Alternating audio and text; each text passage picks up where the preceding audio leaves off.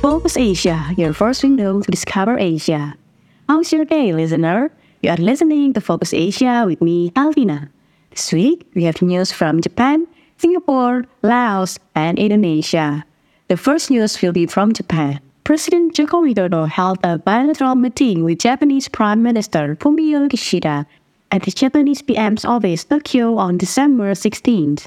During the meeting, President Jokowi and PM Kishida discussed cooperation between the two countries in various fields, including Indonesia-Japan cooperation in the construction of the Jakarta MRT. President Jokowi appreciated Japan's commitment to building the east-west route and expressed hope for the timely completion of the north-south route phases 2A and 2B. Indonesia, as a co-initiator of AZEC, emphasized the importance of inclusive funding for decarbonization cooperation and the transfer of low-carbon technology. President Jokowi showed support to accelerate three priority projects, geothermal power plant in Muara Laboh, waste-to-energy at Legok Nangka, and peatland management in central Kalimantan. President Jokowi emphasized Indonesia's commitment to working for a permanent ceasefire, planning sustainable humanitarian assistance, and encouraging the start of a peace process for a two-state solution in Palestine.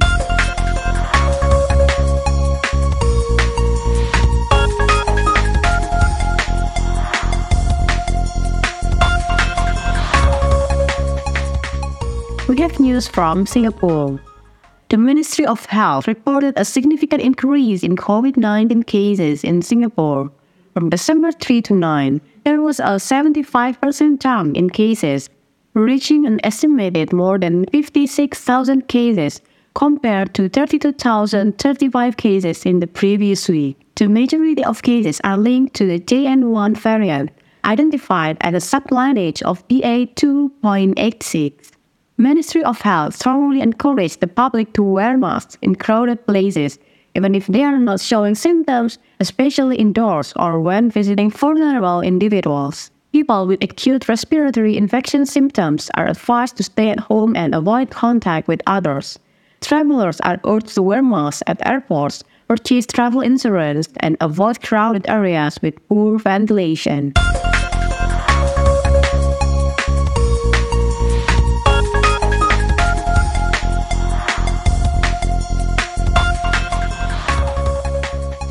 Next, we have news from Laos. Cultivation is expanding into intact forest frontier in Laos, triggering a spike in associated carbon emission, according to a new study based on satellite data.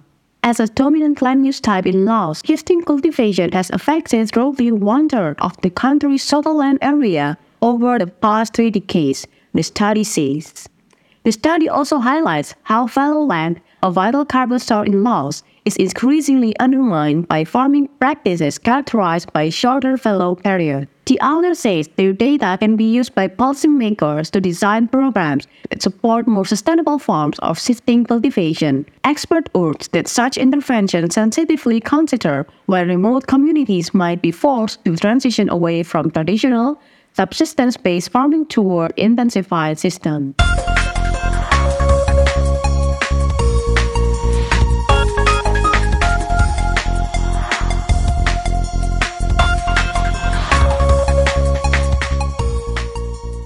Last, we have news from Indonesia.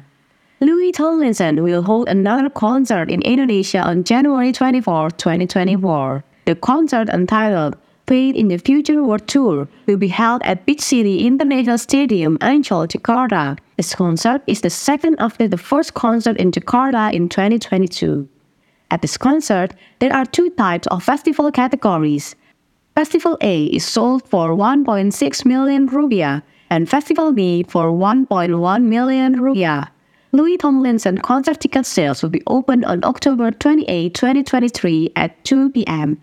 via the official website Louis Tomlinson on Jakarta.com. Meanwhile, information about the concert can be accessed via the promoter's Instagram account. The news from Louis Tomlinson closes this week's episode. Don't forget to always listen to Focus Asia every week to update your knowledge about what happens in Asia. I'm Dalvina. See you on the next episode of Focus Asia, your first window to discover Asia.